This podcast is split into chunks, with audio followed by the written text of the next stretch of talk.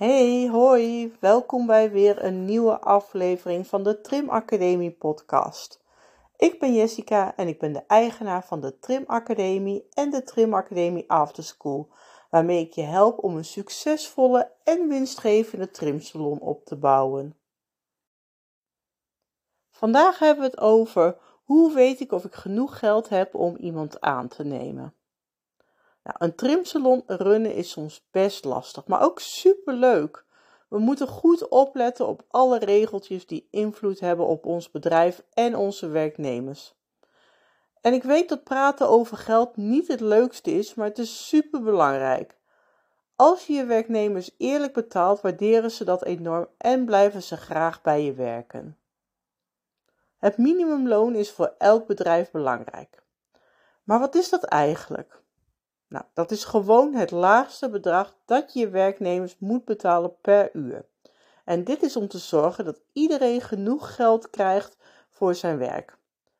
We moeten altijd op de hoogte blijven van de huidige minimumlonen. Je wilt echt geen gedoe met de wet. Het huidige minimumloon is vastgesteld op 11,51 euro per uur voor een 40-urige werkweek. Als je minder uren werkt, is het minimumloon hoger. Het trimmen van huisdieren is meer dan een baan. Het is een passie. En die passie betekent ook dat we goed voor onze werknemers willen zorgen. Dus wat is nou een leefbaar loon? Nou, dat is dus meer dan het minimumloon. Het is een loon waarvan je werknemers goed kunnen leven. Ze moeten hun rekeningen kunnen betalen en genoeg geld overhouden voor andere belangrijke dingen. Als eigenaar van een trimsalon kunnen we echt het verschil maken voor onze werknemers. Als we ze goed betalen, zijn ze blij en trouw aan ons team. Een leefbaar loon zorgt er ook voor dat ons vak steeds beter wordt. Het trekt mensen aan die echt van dieren houden en trimmen zien als een leuke carrière. Als trimsalon-eigenaar kun je nagaan of je iemand kunt aannemen door te kijken naar wat het leven in jouw omgeving kost. Een handige tip is om te kijken naar de huurprijs van een gemiddeld appartement in jouw gebied. Je werknemer moet minimaal 2 tot 4 keer de huur verdienen. Maar wat als je werknemers niet genoeg kunt betalen? Dan moet je eens nadenken over je prijzen.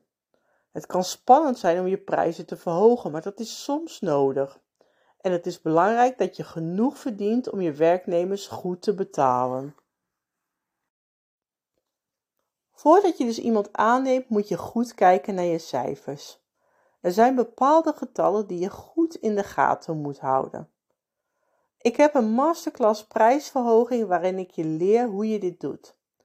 Met deze cursus leer je hoe je je prijzen verhoogt en zo je bedrijf laat groeien. Nou, wat moet je dan precies in de gaten houden? Een belangrijk getal is bijvoorbeeld hoeveel van je winst je aan salarissen uitgeeft.